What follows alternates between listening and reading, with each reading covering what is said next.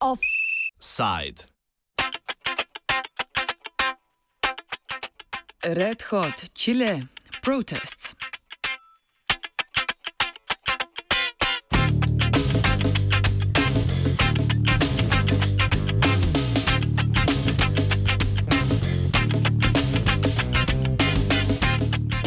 Predsednik Čila Sebastian Pinjera je dva tedna po začetku obsežnih protestov v državi razglasil konec izrednega stanja in policijske ure v največjih čilskih mestih.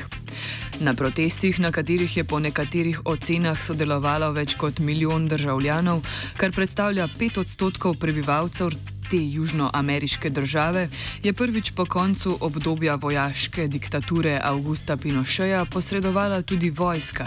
Med izgredi in nasilnim zatrtjem pa je prišlo tudi do smrtnih žrtev.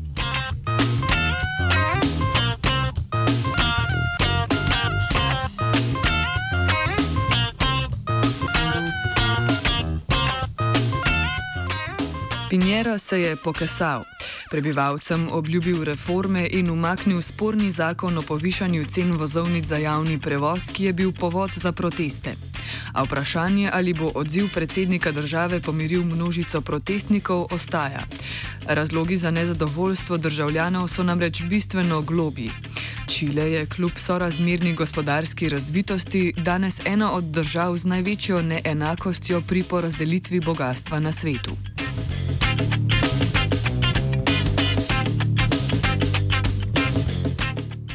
Protestov je Pinjera sicer verjetno živajen. Prav v času njegovega prvega mandata med letoma 2010 in 2014 so v Čilu potekali obsežni študentski protesti, ki so izražali nezadovoljstvo s privatiziranim sistemom šolstva v državi. Jose Miguel Aumada z Inštituta za mednarodne študije na Univerzi v Santiago de Chile tokratne proteste vidi kot del vala demonstracij, ki v Čilu obstaja v zadnjih desetletjih, pri čemer kot glavno razliko navede, da tokratni val protestov nima jasnih ciljev ali strukture, ampak je najprej prišlo do mobilizacije. This, uh, is, is of course is a qualitative change from the previous uh, mobilization that Chile has had, but at the same time is not taught, is, is part of a wave of protest and mobilizations and concentration that have been happening in Chile since the last, I would say, 10 years. So uh, the protest against the privatization of education in the in 2011, then we have a wave of protest and fights of the Mapuche people in the south of Chile against uh, the forestry industry. Then we had the protest against the private pension system. You know, in Chile, pensions are private. Then we have another wave of protest against some environmental destructions by the extractive industries. So there is a wave of social unrest in Chile. But uh, the different, the, the new characteristic of this massive mobilization is that there is no a clear leader, there is no a clear goal, and there is no like an organic political organization behind this. It's not that they first have certain goals and then they made this mobilization, but on the contrary, there was first this massive mobilization with uh, so many different uh, demands from different people, and then they're trying to uh, make a formal uh, demand or with clear objectives. Na podoben način proteste vidi tudi Branko Milanovič, profesor ekonomije na City University of New York, ki dogajanje v Čilu poveže tudi s protesti drugod po svetu. Enostavno imamo utisak, da postoji jedno opšte nezadovoljstvo in svest s druge strane, da se može demonstrirati, znači da ljudi mogu da, kako ću da kažem, da izađu na ulice i da demonstriraju, iako možda čak i oni često i ne znaju šta u stvari zaista hoće, oni žele, ali e, i mislim da su to ovaj, dosta veliko ovaj, ulogu igrali i ovaj, social medije. Znači, jednostavno sposobnost da vi vidite da hiljade ljudi je recimo pre nekoliko dana bilo u Kairu, zatim u Libanu, onda naravno u Čileu, onda Ekvadoru, Boliviji, Hong Kong i tako dalje, onda recimo Žile Žon u Francuskoj. Mislim da je to jednostavno jedan veliki ovaj, um, kako ću da kažem, demonstracije koje su motivisane različitim razlozima, jer ne treba verovati da je recimo razlog u Hong Kongu jednak kao razlogu u Egiptu ili jednak u razlogu u, ovaj, u Čileu, ali mislim da ima jedno nepoverenje prema političkim elitama i ovaj, korupcija. Mislim da su to, korupcija i nejednakost, da su mislim to glavni, neka, neka, ako možemo da ovaj, generalizujemo, znači neverica ili ono, ne, uh, lack of confidence. Kot pove Aumada, je bil odziv čilskih oblasti izrazito represiven. Vlada med dogajanjem in ravnanjem vojske ni imela nadzora. Ob tem so oblasti v večjih mestih v državi uvedle policijsko uro, ki je po besedah Aumade nihče ni upošteval. It's the first time that they implement these measures since 1980, since 1987, yes, during the military dictatorship. So it was totally out of proportion what is happening, what the, the government implemented. And the Institute of Human Rights are demanding the, the government are asking them for explanation because there's been like cases of torture of totally police abuse and that now are being investigated so yeah there's been like a massive repression and uh, during the first days i would say that the, the, the army the police didn't have like any capacity of controlling what was happening.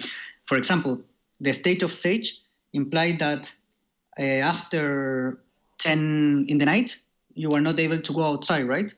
But none of us respected that. We're all outside protesting. So the government was not able to like even rule with the army outside the streets.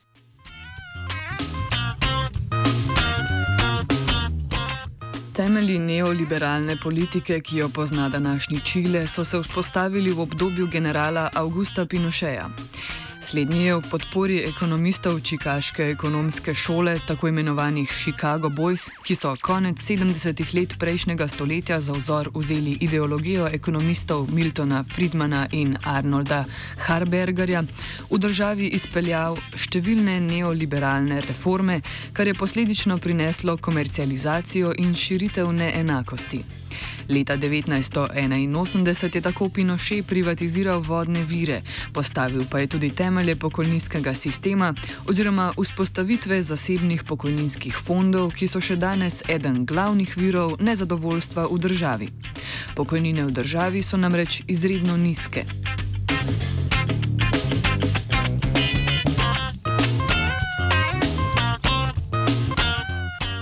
Jose Miguel Almada prepozna tri stebre, ki jih je vzpostavil Pinochet in jih nobena vlada v obdobju demokracije ni zares spremenila.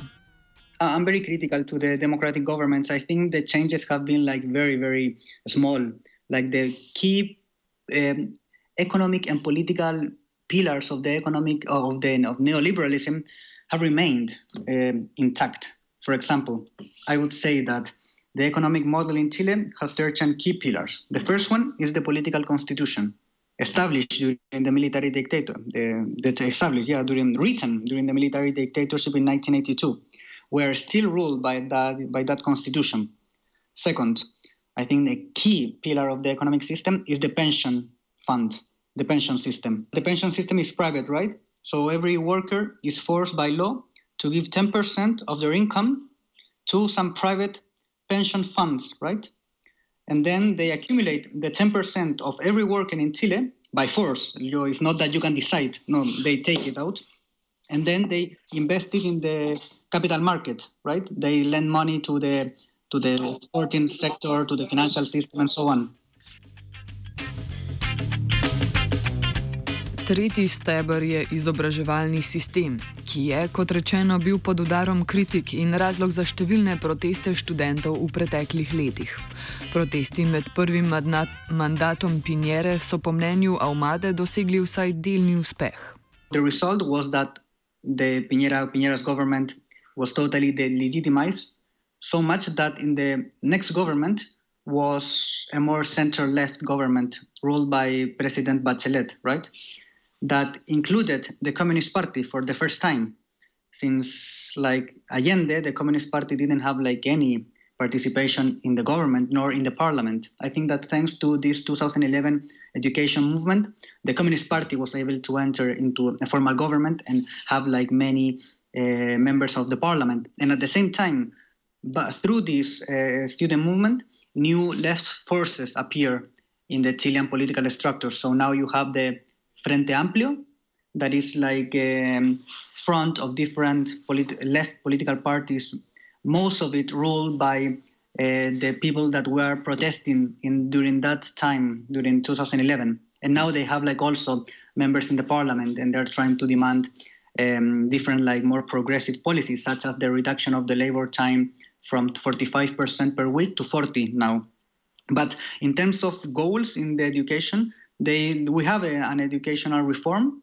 Now the state subsidizes private uh, firms, private universities. So a lot of young people are entering into the university for free by this subsidy to the private firm, by the way. And uh, and I think that was the the biggest uh, victory of the movement. It's still not a very very progressive measure, and I still and I think the student movement still have a lot of their goals not being achieved by this massive protest in 2011. V 90-ih letih se je Čile sicer gospodarsko razvijal, zato ga pogosto, se ga pogosto predstavlja kot nekakšen zgled neoliberalizma. Po mnenju Milanoviča so sicer vse težave obstajale že takrat, a je država dosegla poseben tretma v medijih, saj je ustvarjala sliko privlačne države za mednarodne investicije. Imamo neenakost v bogatstvu, ovaj penzioni sistem, potpuna komercijalizacija svega, počeši voda. obrazovanje, a, ovaj, sve to poznato bilo naravno veoma dugo vremena. Ali Čile, zahvaljujući činjenici da imao visoku stopu rasta i da je naravno imao bio privlačno mesto za investitor i tako dalje, imao jednu izvanrednu povoljnu ovaj, a, kako ću da kažem, a, tretman u medijima i on onda kada dođe do jednog takve eksplozije do koje je došlo sada i kada dođe do jedne takve jedne represije koja je potpuno neverovatna za zemlju kao što je OECD, zamislite recimo da imate demonstraciju u Italiji i bude 19 ljudi ubijeno dire, ovaj, od strane policije. To je nešto jednostavno što više se ipak ne događa u Evropi, ovaj, niti bi trebalo se događa u takvim zemljama kao što je Čile koja je na nivou znači evropskog dohodka. Ovaj, to je jednostavno u neku ruku šokantno i zbog toga sam ja to i napisao, zato što ovaj, za one ljude koji nisu se bavili Čilom, Čile uvijek bio izgledao kao jedan onako, što se kaže, uh, egzemplar, znači, ovaj, uspeha bazirano na ekonomskom rastu. Zato je, ovaj, mislim, primjer Čila toliko frapantan. Avmada pojasni, da se je sicer v zadnjih desetletjih bistveno znižala stopnja revščine, težave pa so predvsem v srednjem razredu, ki ga obremenjujejo prekarne zaposlitve in nizke pokojnine. Uh, in terms of inequality, Chile is still one of the one of the countries with the highest inequality uh, in the region, and I would say in the world. Like if you measure inequality by wealth, not income, 1% of the, the richest 1% appropriates around 23% of the total wealth in the Chilean economy. It's extremely high. Um, at the same time, 40% of the labor force is in informal markets, and the low and the wages in Chile are very, very low. Like 50% of the labor of the working class earn less than 350,000 pesos, and you know that 300 is the minimum wage. So yes, there's been a reduction in poverty. Uh, that, that is definitely out of question. You know, in 19 uh, in uh, 1987, 45% of people were poor, and now is around 10%. There's been a, a process of poverty reduction, but the middle class is still a highly precarious middle class with very low pensions, when very low pensions, with very um, precarious jobs in a very very with a massive informality so the middle class is not this like prosperous, prosperous middle class but a very precarious highly precarious middle class Posebna zanimivost je, da je pokojninski sistem zasnoval brat trenutnega predsednika Pinjere. Kot pove Milanovič, gre za eno najvplivnejših družin v državi. Još jedna ironija Čile u tome da vi sada imate čoveka na vlasti, znači koji je izabran legitimno kao predsjednik, koji je ovaj, jedan od najbogatijih porodica u Čileu, a naravno njegov brat je osnivač penzionog sistema. I da tu imate jednu ovaj, povezanost između sa jedne strane ovaj, ekonomske moći i s druge strane političke moći. Kot rečeno, še ni jasno, ali bo odziv Pinjere vplival na moč protestnega gibanja. Kot za konec offsajda pove Aumada, je gibanje šele zdaj prišlo do točke, ko se znotraj njega oblikujejo ideje in zamisli, v kakšni državi bi čilenci radi živeli. What I think uh, is that the, the social movement has a lot of chances to increase their capacity of mobilization. So, for example, yesterday, the, the social movement organized a massive concert, but at the same time, Uh, this concert has some places, some areas of discussion about what kind of country do we want to have. Uh, if there is a chance to change the political constitution, you know that the political constitution was imposed during the dictatorship. So there is this demand for changing the constitutions to call for an uh, from for, for a place for a moment of discussion uh, with the people about uh, building a new constitution. And tomorrow there's going to be a concentration in front of the House of Government at 6 p.m. So I think the social movement is trying to build a strategy to increase their demand and at the same time increase their capacity of mobilization. Offside pripravil Jure.